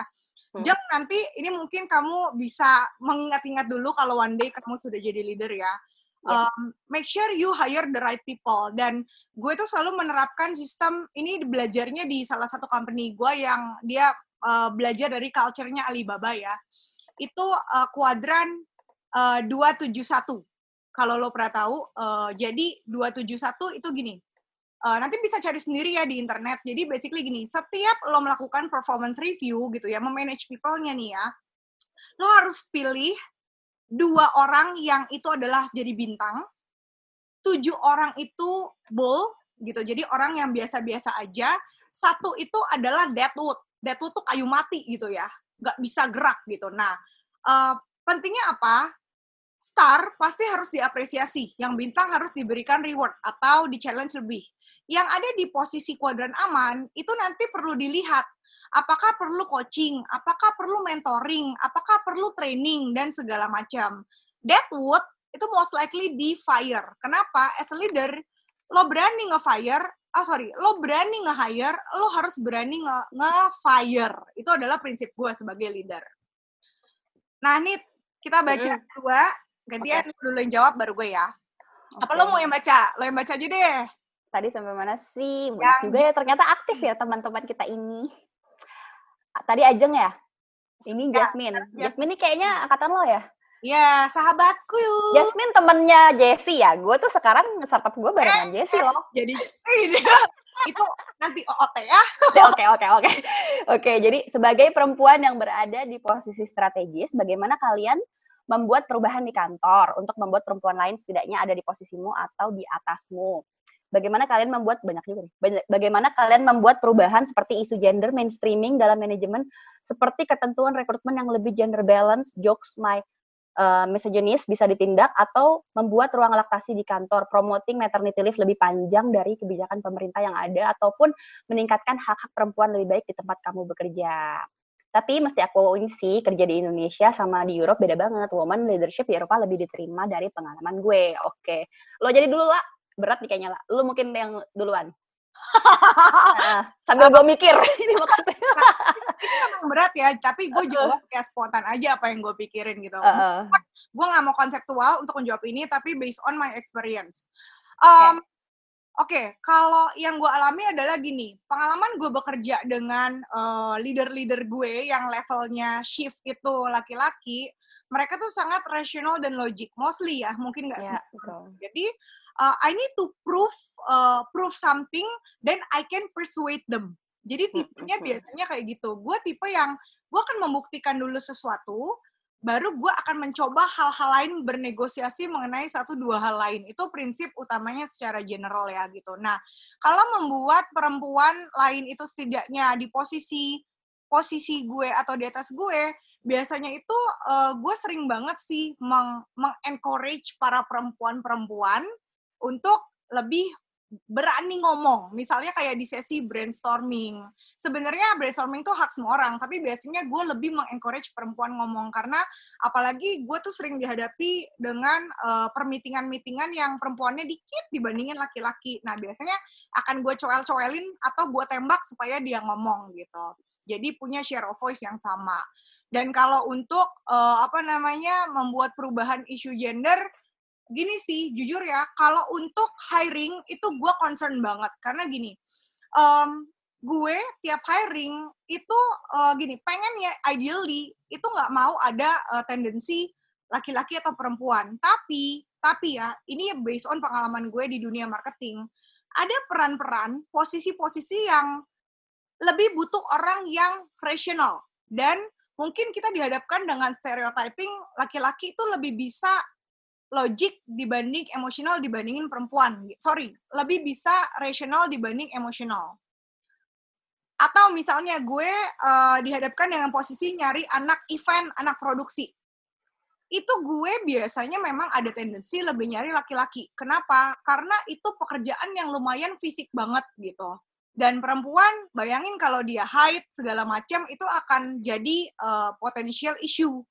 Tapi ada juga posisi-posisi yang gue lebih nyaman kalau itu yang memegang peranannya adalah perempuan salah satunya adalah partnership. Mungkin nanti nih dia bisa share juga karena apa? Okay. Um, perempuan tuh dianugerahi tadi rasa empati dan uh, somehow rasa empa kemampuan berempatinya itu bisa lebih uh, berkontribusi saat dia melakukan negosiasi dan lebih bisa kapan harus lembut, kapan harus tegas, kapan harus segala macam dibandingkan laki-laki gitu. Jadi kalau tadi ngomongin rekrutmen dengan isu gender, uh, to be honest in my in my ini ya in my kat, bisnis kategori memang ada pemisahan itu gitu. Dan buat gue nggak jadi masalah karena bukan berarti menjatuhkan perempuan atau menjatuhkan laki-laki. Balance kok ada apa namanya ada partnya kadang memang laki-laki lebih ada partnya kadang-kadang perempuan lebih terus kalau kayak ruang laktasi segala macam gitu ya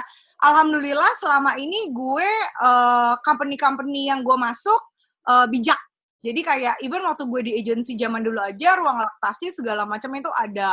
Kalau mengenai jokes dan segala macam, tuh biasanya gue nggak pernah ngalamin ngalamin ya secara gue pribadi. Jadi mungkin gue nggak relevan bisa share di case ini.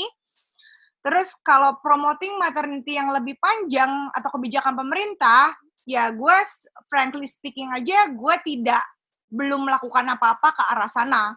Karena uh, itu udah mungkin ya karena gue bukan seorang aktivis jujur ya. Jadi um, gue memerankan peran gue di sana gue sebagai let's say leader untuk tim marketing ya gue bekerja sesuai dengan apa yang gue ditugaskan selama itu tidak against against my value tapi memang kalau ngomongin soal kebijakan pemerintah segala macam gue sih belum pernah concerning ke sana dalam arti concerning tuh melakukan sebuah tindakan karena memang gue bukan aktivis buat gue sih gitu ya. Hmm. Banyak sih miripnya sama gue lah, gue setuju sebenarnya semua yang lo omongin. Gue juga mirip sama lo. Sebenarnya banyak di sini yang mungkin ranahnya gue nggak bisa terlalu jawab detail karena gue nggak pernah mengalami segitunya banget isu gender sih di, di dalam karir gue. Menurut gue uh, sekarang udah lumayan banget kok, uh, baik corporate maupun startup mereka nggak um, uh, mengunderestimate perempuan secara merata gitu enggak. Cuman paling dalam interview mungkin ya karena judge by the cover oke. Okay. Cuman uh, once kita udah proving ourselves dan kita nunjukin uh, achievement, nunjukin contribution, mereka pasti akan respect. Mereka pasti akan mendengarkan. Apalagi uh, menurut gue yang bisa gue lakukan ya untuk membuat perubahan ya kita harus menjadi orang yang punya authority, yang punya pengaruh gitu loh. Dan kita bisa jadi orang yang berpengaruh kalau kita successful in the career, kita bisa membuktikan tadi yang lo bilang. Itu gue setuju banget. Jadi menurut gue sih gitu. Uh, terus gimana uh, supaya yang lain seperti itu, balik lagi kalau gue dengan being uh, sebisa mungkin berusaha menjadi good leader kalau gue. Jadi uh, sharing, sharing kayak gini-gini itu juga menurut gue juga bisa menginspire people untuk seperti kita lah, uh, ngambil positivity dari kita gitu sih. Kalau mengenai yang ini kayaknya uh, gender balance dan lain-lain, gue honestly uh, sama, gue juga belum pernah mengalami masalah isu yang terlalu besar soal itu. Jadi mungkin gue nggak banyak komen soal itu sih. Sama ini sini mungkin nanti uh, ini juga pasti gue yakin lo udah memikirkan hal itu ya. Kan nanti lo akan pindah ke startup yang posisi lo sudah sangat amat strategik lah ya perbanyak-banyak muncul di publik ya sebagai mewakili perempuan C karena gue yeah, okay. um, senang banget ini mungkin nambahin tadi ya bagaimana gue bisa membantu uh, perempuan itu lebih uh, lebih apa ya lebih lebih punya peranan adalah ya tadi um, gue sebisa mungkin kalau ada acara-acara ke publik atau yang forum gue akan minta perempuan yang maju di company gue gitu ya. Either salah satunya gue atau ada um, di bawah gue ada senior manager. Gue tuh biasanya uh, implicitly mengarahkan manajemen untuk perempuan aja yang maju. Itu sebenarnya ada ada hmm. nih di baliknya. Oke. Okay. oke okay lah siap. Ini awal dari itulah hopefully ya, ya nah kita baca okay. lagi ya. Uh, cuma mungkin satu dulu terus kita lanjut. Uh, soalnya aku ada pertanyaan buat India itu teman uh, jangan ini ya jangan live dulu ya ini um, jangan live dulu karena ini episode terakhir jadi harus sampai habis maksa Oke, okay. nah ini nih banyak yang bilang kalau kebiasaan kecil kita sehari-hari bisa mendirect kita ke goals yang kita impikan. Nah, adakah kebiasaan-kebiasaan kecil yang Carla dan Nidia ternyata selama ini sadari punya efek besar terhadap karir? Oh, ada banget. Lo apa lah? Gue gue selalu lo tau nggak? Ini mungkin orang ngerasanya ribet banget tapi for me that works ya. Dari gue SMA sampai gue sekarang gue bahkan punya daftar pengeluaran gue seribu perak. Dan gue selalu punya oh my God. dan gue selalu punya to do list harian gue. Jadi bodoh amat orang bilang gue jadul pakai buku pakai notebook apa pakai diary gitu ya. Gue journaling harian gue harus ngapain. Jadi gue bedain dalam notes handphone gue, gue punya review tahunan kayak goal besar yang ingin gue aim apa. Kan gampang tuh kalau notes di iPhone tinggal dikasih bolong nanti di apa di tik tik tik gitu kan ya. Tapi untuk menggerakkan gue di keseharian gue, gue tuh bener-bener pakai jurnal nanti pas lo ngomong gue ambilin deh. Bener-bener okay. harian itu gue ikut gue ngapain? Teratur sekali luar biasa. Dan gue centang-centangin tuh oh hari ini dan hari ini dan gitu. Jadi kalau gue ditanya kebiasaan kecil gue adalah uh, scheduling and reviewing. Dalam arti gini jangan sampai lu punya plan jangan sampai lu punya schedule tapi lu nggak review lu nggak belajar. Kayak misalnya lu kan bisa lihat nih uh, kalau gue ya biasanya di weekend itu tapi kadang-kadang dua minggu sekali gue lihat nih agenda gue eh kok banyak ya yang gue nggak aim gitu. Kenapa ya? Jadi itu jadi bahan learning gue. Sama kalau kebiasaan kedua gue adalah um, jangan lupa untuk having yourself a break. Break itu bisa apa pun, mau jelek, mau baik, terserah ya, sesuai preferensi. Kalau gue, salah satu hal yang ngeboost mood gue adalah makan manis atau minum kopi susu. itu simpel banget ya. Dari dulu, dari dulu uh, somehow ya makan-makan manis itu membuat gue semangat. Gue nggak ngerti. Ya mungkin itu kayak dopamin gue ter ter apa ya, dopamin gue terdorong atau gimana kali ya. Tapi sugar rush. Ya for me that works ya. Kalau lo gimana? Ada mirip-miripnya, cuman nggak persis sama. Gue tuh kalau gue ya, gue itu orangnya on banget otak gue tuh sebenarnya kalau malam. Kebalikan sama laki gue. Kalau dia tuh pagi kadang dia ngomong pagi panjang lebar gue loading gitu ya. Sedangkan kalau malam gue ngomong panjang lebar dia ngantuk kayak dilelebay gitu. Jadi jadi gue kalau malam itu adalah my me time. Ya, ya. biasanya ya. gue kalau malam itu uh, bukan jurnal sih bentuknya tapi gue selalu take notes gitu ya. Kadang tuh otak gue tuh berfantasi berimajinasi di malam hari. Ya, benar-benar nah kadang even udah mau tidur pun gue kayak otaknya nggak tidur. Selalu otak gue tuh berpikir sebelum tidur malam malah paling kreatif tuh malam. Jadi gue selalu setiap malam sebelum gue tidur my me time itu gue uh, imajinasi imajinasi gue itu langsung gue biar nggak lupa gue take notes di handphone gue biasanya sebagai inspirasi. Nah itu sih hal-hal kecil yang gue selalu lakukan setiap hari karena otak gue berimajinasi di malam hari dan selalu ide-idenya tuh malam hari dan semua itu gue secara rutin gue take notes juga di handphone gitu. Kadang kalau misalnya nggak seperti itu uh, sama gue juga kalau gue energinya dari inilah energinya gue itu di malam hari juga tetap gue orang malam kalau gue sharing. Jadi gue sharing itu dapat energi dapat positivity good energy. Jadi gue selalu ngobrol sama suami malam-malam gitu walaupun dia cuma mm, mm, gitu ya, ya, ya, ya. tapi gue kayak juga bisa relate itu.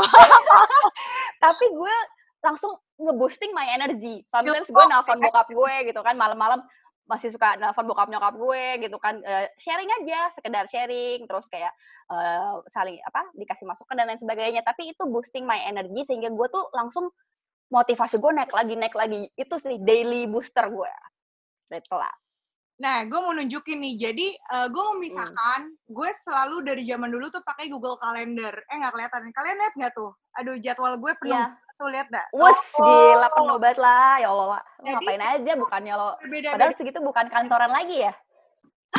Tapi itu gue bedain. Jadi, warna ini buat kerjaan. Warna ini buat ngajar. Warna ini buat gue main-main gitu. Jadi, tetap ada bisa ngebalance. Dan ini kalau diary gue tuh kayak gini nih. Jadi harian. Wih, kelihatan nggak? Eh, nggak boleh lihat tapi isinya. Jadi benar-benar itu kalau ditanya kebiasaan kecilnya apa yang ngaruh banget, kalau gue itu gue selalu nyatetin okay.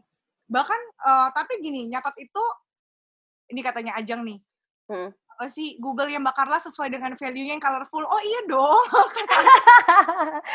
Iya. kalau gue sih itu Nah, Hmm. ini ini sebenarnya beberapa pertanyaan, tapi Oke. itu curious to know dan I think it's worth to share supaya bisa memberikan inspirasi buat life hacker uh, life hacker ini ya. Hmm. Eh, Nidia ini soon akan meninggalkan dunia korporasi, dunia Iya, sedih.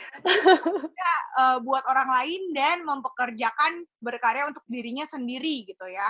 Tadi kan disebut Amin. eh, Ziker ya akan jadi managing director di sana. Eh, bolehkah di share nih sebenarnya apa sih yang akhirnya membuat seorang lo memutuskan hal itu mengambil decision itu yang I believe that decision itu punya consequences yang sangat besar gitu. Boleh nggak di share nih? Oke, ya it's a big thing lah, dan itu baru aja happen banget this week decisionnya. Eh, jadi itu adalah langkah besar sekali, betul sekali, yang sebenarnya gue nggak plan di awal. Ya. Jadi eh, tadinya gue gue eh, startup ini sebenarnya itu foundernya Jessie tuh temennya eh, Yasmin tadi ya, itu teman gue juga Yasmin. Jadi eh, foundernya dia dari tahun 2017, tapi gue baru join ke Zikr ini as a apa ya co-owner itu sejak tahun lalu. Eh, which is sebenarnya gue memang plannya ke sana, tapi nggak nggak dekat-dekat waktu ini. Sebenarnya mungkin paling cepat tiga tahun lagi atau lima tahun lagi. Sebenarnya sih gitu. Nah, cuman em, apa namanya? Entah kenapa jalan dari Allah ya ngasih gue eh, sebelum momentumnya sekarang nih, journey gue tuh entah kenapa dari tadi awal corporate, FMCG, which is yang sangat sangat eh, proper gitu ya. Terus udah gitu kebuka lapak tiba-tiba karir gue eh, apa namanya yang sangat startup dynamics terus udah gitu ke eh, apa namanya sekarang di home credit. Itu gue mengalami banyak banget eh, industri yang berbeda-beda. Oh. terus gue ngalamin banget dari level bawah banget merintis sampai sekarang lebih lumayan strategik. Terus mengalami juga dari established corporation sampai yang startup. Jadi gue tuh sempat berpikir sebenarnya dulu tuh kayak kenapa sih kok jalan hidup gue begini? Padahal dulu tuh gue karir gue eh, sangat teratur di FMCG tapi kenapa gue sekarang malah ke different industry financing terus macam-macam lah ada startup segala macam tapi ternyata di zikir ini kayak gue menemukan bahwa oh kayaknya ini sih jalan dari Allah buat gue. Gue tuh kayak in a way disiapin gitu loh. Disiapin dalam segala hal mentalitinya eh, apa namanya eh, skillnya cara berpikirnya eh, manajemennya bisnis perspektifnya everything untuk hopefully bisa berkontribut di sini nah kalau kenapa sekarang sebenarnya jujur itu kan industri zikir ini health tech company health Ya. technology. Nah, eh, dengan eh, momentum kita pandemi COVID sekarang itu malah malah nge-fast track Zikar menjadi banyak banget project-project yang potensial sekarang gitu. Hmm. Jadi sebenarnya momentum sekarang ini terus terang sangat banyak sehingga membuat mereka tuh sangat butuh eh, peran top manajemen yang bisa leading people untuk make it happen. Karena eh, foundernya itu Jesse itu orangnya benar-benar visioner gitu kan yang full of ideas, emang idenya brilian, produknya pun bagus, tapi how to make it happen-nya bridging between vision into execution. Nah, itu yang kurang. Nah, Oke. ini jadi urgency buat mereka untuk eh, punya someone yang bisa jadi sosok leader di sana yang bisa manage manajemen di sana. Makanya itulah gue dengan banyak pertimbangan gitu akhirnya ya udah insya Allah Bismillah uh, starting next month gue rencananya pindah ke sana to grow my own business dengan proper dengan segala macam capability dan ilmu yang gue punya selama ini. Hopefully sih gitu. Jadi tadinya ini buat pension plan tapi karena pandemik jadi dikarbit gitu loh. Makanya gue juga sebenarnya eh, kaget karena terakhir kita kongko lo cerita itu buat the next two years plan ya. Jadi ya masih lama gitu. lo juga agak kaget tapi gue Um, sangat appreciating ya need your decision because I think this world needs more genuine and good people ya to make the world better gitu. Jadi I believe Zikir juga punya misi yang eh, baik untuk society. amin Ya. pasti dong hopefully eh, bisa membuat bangsa ini lebih baik. Amin Nah, sebelum sebenarnya harusnya ini gue mau tanya closing statement, tapi ada pertanyaan kita coba bacain. Boleh Iya, oh, kayaknya mereka banyak yang excited sih sayang aja nih coba nih, Cie. Nanti kalian kangen loh sama gue, Cie. Oke. oke em, sampai mana ya tadi ya? ini gue bacain ya. ya. Dari Jaida Anissa, gimana cara tahu bidang pekerjaan yang kita tekuni itu our destiny atau emang pekerjaan yang terbaik untuk kita di samping banyak keinginan kita di bidang-bidang lainnya gitu. Siapa jawab Lo dulu deh, lo dulu. Oke, oke. Okay. Gimana cara tahu? Hmm, kalau tahu ya setelah menjalani sih sebenarnya ya. Uh, kita boleh punya cita-cita. Tadi walaupun kita punya life purpose, tapi tetap aja hidup yang akan mengarahkan tepatnya kita mau ke yang mana gitu loh. How-nya itu bisa macam-macam, bisa di company A, B, C sebagai A, B, C. Tapi uh, ya kita nggak akan pernah tahu itu tepat kalau kita tidak mencoba sebenarnya. Nah, pada saat kita mencoba, dengan pengalaman kita jadi bisa assess sebenarnya apakah kita enjoy nggak sih di di corporate ini di company ini sebagai role ini gitu. Benar-benar. itu hati lo sih bakalan ngomong sih kalau misalnya itu nggak tepat lo pasti kayak bertentangan dengan hati nurani lo nggak bakalan tenang lo bakalan kayak ngerasa nggak pernah puas gitu. Kalau lo merasa lo uh, konten lo merasa lo uh, apa tenang gitu kayaknya berarti itu adalah sudah di jalur yang tepat. Kalau menurut pendapat gue sih gitu lah tambahin lah nambahin dikit aja sih. Uh, Jaida, kamu pasti melewatkan Carla Hex episode 3, ngebahas life crisis in 20s. Jadi, um, gue ba udah bahas banyak sebenarnya di situ ngejawab ini. Nanti mungkin bisa lihat highlightsnya lagi. Tapi basically gini, um, kalau ditanya tahu dari mana itu our destiny, itu biasanya adalah kita sudah mencapai ikigai. Nah, ikigai itu faktornya banyak ya. Itu adalah sesuatu hal yang kita jago di sana, uh, membawa happiness itu uh, apa namanya itu ada duitnya itu juga somehow aligning uh, aligning with our values yang bisa jadi itu ada unsur kita mem memberikan sesuatu kepada uh, orang lain kita ada unsur sosialnya lah, kita bisa being impactful lah, atau itu something yang memang value kita banget. Biasanya indikasinya kayak gitu. Nah, gue setuju sama dia uh, kalau kita nggak coba nggak tahu dan that's why waktu itu gue juga bilang kalau masih muda ya uh, better jadi generalis dulu. Jadi uh, jangan langsung kayak karena gini mungkin zaman gue sama Nidia dulu awal berkarir belum ada tuh fungsi-fungsi yang tuh spesialis ya kayak SEO manager. Iya benar-benar social media content writer gitu kayak dulu tuh enggak kita tuh ngerjain yeah. semua belum ada yeah. istilah yang dibikin-bikin itu gitu jadi uh, biasain kerja generalis dulu gitu sehingga ilmunya pengalamannya jauh lebih banyak sehingga ya tadi ini dia bilang tahu ternyata ini yang lebih membawa keuntungan buat saya. Nah, keuntungan itu banyak tadi, mau duit kek, mau kesenangan kek, ketenangan kek, atau apa pun. Itu menurut gue sih.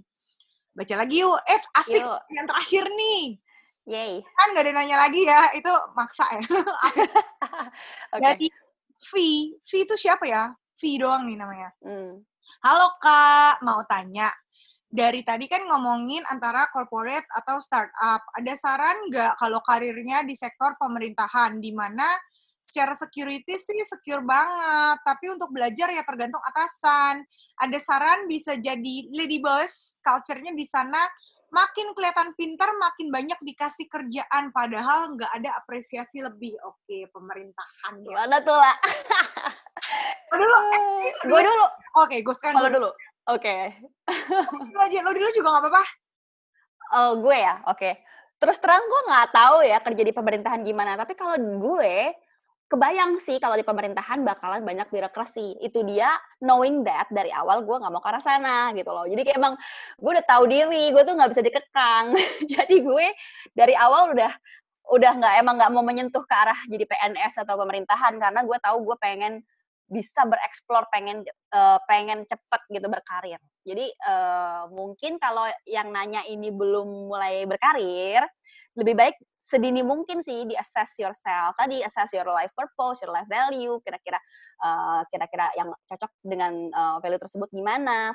Karena kalau udah terjun ke pemerintahan mau jadi let's say PNS tuh ya memang mau nggak mau uh, akan ngikutin proses hierarki di pemerintahan sih. Jadinya kita bukan kita yang ngontrol mau nggak mau. Kita yang mengikuti kita yang adjust menurut gue. Jadi sebelum terjun ya uh, se-early mungkin di assess dulu kalau menurut pendapat gue. Kalau memang tipikal orangnya dari awal sudah tahu orangnya itu misalnya suka berkreasi, suka freedom, suka apa uh, uh, free spirit gitu ya, terus pengennya cepet, terus kritis dan segala macam, ya udah jelas dari awal nggak bakalan cocok di jadi PNS. Nah tapi kalau orangnya itu memang dari awal mementingkan security yang penting pokoknya nanti pensiun ada dalam pensiun. Terus kerja nggak usah capek-capek terus nggak usah berkarir lah ada suami misalnya. Atau uh, apa ya misalnya kita nggak uh, mementingkan kok harus uh, harus jadi karir gimana gimana nggak nyari jabatan. Yang memang ambisinya bukan ke arah karir tapi mungkin pengen berkontribusi untuk negara atau pengen pengen hidup yang lebih stabil, nah itu nggak apa-apa mungkin ke PNS atau ke pemerintahan. Kalau menurut gue sedini mungkin makanya di assess. Okay. Makanya kita bikin ini biar everybody sejak ya, kuliah, sejak SMA udah belajar dari inilah ya. Mm -mm. Tapi nggak menutup kemungkinan juga sih menurut gue toh orang udah PNS ya bisa berhenti juga sih. Cuman ya sayang aja. Jadi uh, agak waktunya sayang. Oke. Okay. Silakan lah. Um, ini V, I don't know nama sebenarnya siapa ya si V ini. Um, ini jawaban gue agak berat nih. Tapi gini, um, minggu dua minggu lalu ya kita ngomong di Carla Hex itu ngomongin soal, nah makanya nih sayang banget nih yang gak ikutan Carla Hex dari episode 1, ah banyak ilmunya. Jadi di dua minggu lalu itu kita ngebahas soal personal identity. Nah, jadi uh, identity itu ada dua faktor. Satu adalah faktor internal, dua adalah faktor eksternal. Nah, faktor internal itu biasanya uh, values kita. Faktor kedua itu uh, faktor ekster sorry internal itu values kita, eksternal itu apa pun yang jadi eksternal atribut pekerjaan kita, kekayaan kita, penampilan kita, uh, agama kita, maybe status sosial kita atau apa pun lah gitu ya. Nah, pertanyaannya gini, kalau ditanya tadi uh, ini tuh gini kayak satu yang pasti dalam uh, menjalani hidup gitu ya. Uh, ada dua sih. Yang pertama adalah make sure ka kamu melakukan itu based on uh, kekuatannya utamanya adalah your internal attribute bukan external attribute gitu. Nah, yang kedua, sebenarnya tanya lagi gitu. Kalau dari kata-kata kamu ini kan bilangnya di situ ada security, gimana ya biar kayak gini gitu. Uh, coba perluas lagi uh, perspektifnya karena yang namanya security itu banyak. Kata siapa? Security itu cuma ada di sektor pemerintahan. Di NGO juga banyak loh perusahaan yang secure gitu. Jadi again uh, dibalikin lagi sebenarnya yang dicari apa dan buka opsi yang ada, jangan terpatok pada satu opsi gitu. Nah, yang kedua adalah uh, kenapa tadi gue ngomongin external attribute itu karena in life sometimes you cannot have it all. Lo nggak bisa mau punya semua, mau punya security, mau punya prestasi, mau diapresiasi dan segala macem lah yang disebut di sini gitu. That's why supaya kita lebih bisa legowo dalam arti nggak nggak apa ya nggak merasakan emosi negatif saat kita mengalami itu tidak terjadi sesuai uh, rencana atau keinginan kita pastikan lo sudah menjalankan hidup lo tadi uh, based on your kekuatannya adalah your internal attribute bukan eksternal bukan kerjaan. Kerjaan karir apa pun itu itu hanya vehicle hanya hanya jadi alat kita untuk bisa mencapai end goal kita gitu. Karena one day lo akan tua one day lo akan mati gitu. Kerjaannya kan nggak dibawa gitu. Yang dibawa apa sih? Yang lo pengen orang inget sama lo apa? Bukan kerjaannya kan gitu. Jadi again balikin lagi ke value-nya dulu gitu. Oke okay, nggak ada nggak ada nggak um, ada pertanyaan lagi. lagi nih gitu. Uh, Ini, kenapa? Buka uh, ada yang mau kasih kesempatan nanya lagi atau sudah nih Oh boleh kalau ada yang mau nanya satu lagi boleh uh, sambil sekarang gue nanya ke dia lagi Ci. Boleh boleh. Ini um, last but not least lah gitu ya. Mm-hmm. Ada nggak sih saran tambahan atau something yang ingin lo highlight uh, untuk mendorong uh, untuk ini semacam kayak your your statement closing statement ya untuk mendorong perempuan-perempuan di Indonesia ini untuk bisa lebih memegang peranan dan jadi perempuan yang berprestasi? Oke, berat pertanyaannya ya. uh, Sebenarnya ini menurut gue nggak limited ke perempuan aja, tapi uh, buat perempuan mungkin sangat relevan banget juga ya. Jadi kalau menurut gue semua itu diawali dari diri sendiri dulu. You have to believe in yourself dulu. Hmm. Itu. If you don't believe in yourself, gimana others mau believe in you? You have to be confident and believe in yourself. Itu nomor satu pertama. Terus uh, tadi sih uh, try as early as possible to find your life purpose. Dan mentality yang ini gue pernah ini sih lah, ini uh, pernah uh, lihat video di TED Talks gitu ya. Kunci orang sukses tuh mentality apa sih? Itu namanya kalau nggak salah tuh grit namanya. Which Apa? is kita grit, grit, G. R I T. Jadi grit itu artinya uh, apa? Uh, mentality yang passionate and persistent. Passionate. itu makanya heeh, jadi jadi gue makanya oh bisa relate nih gue juga orangnya menggebu-gebu nih semangat terus kayak lumayan persisten juga. Oke berarti jadi intinya kita uh, try to find our life purpose our goals dan have a great mentality itu. Terus semangat persisten with passion. Itu pasti jadi kayak jadi kayak aura menurut gue. Itu tanemin di hati di pikiran setiap hari. Dan gue yakin kalau kita pengen if we really really want it and really really believe it itu eh, dan setiap hari itu kita sebarkan positivitas tadi dengan uh, great mentality dilakuin terus menerus dengan konsisten itu insya Allah semesta mendukung gue yakin apa yang gue capai sekarang itu karena uh, semesta bisa mendukung itu karena itu walaupun bukan berarti uh, uh, semuanya smooth tapi insya Allah if you have that kind of mentality Hmm. itu pasti akan insya Allah kita akan merasa sukses dan akan beneran sukses gitu Itu sebenarnya jadi law of attraction ya. Love of Attraction kayak buku The Secret dulu itu loh. Oh, Lah, zaman itu kita bener. tapi dan relevan sampai sekarang gitu. Iya, gitu. Um, gue mau tambahin sedikit um, Yes. kalau gue uh, satu hal yang harus kita ingat adalah menjalani kehidupan kehidupan itu adalah seni memilah dan memilih ya gitu. Jadi memilah memilih prioritas kita, apa yang jadi value kita untuk membentuk identitas kita itu satu yang pasti. Dan no matter kalian sebenarnya again sama ini uh, nggak nggak harus perempuan doang, everyone kalian pengen berkarir, kalian pengen berbisnis, even misalnya perempuan memutuskan untuk mau jadi uh, mom at home gitu ya. Sebenarnya itu balik lagi semua pilihan.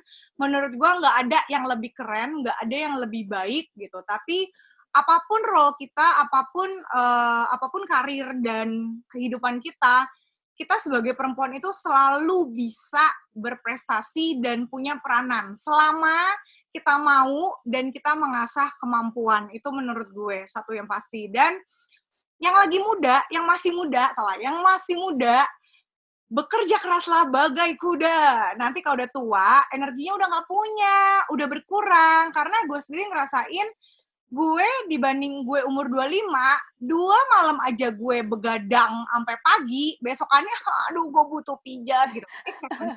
gue ya.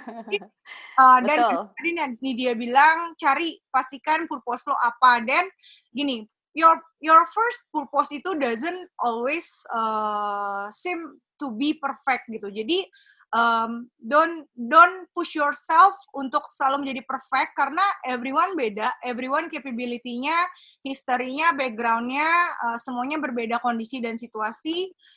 Uh, yang pasti harus embrace imperfection. That what's make you can be almost perfect.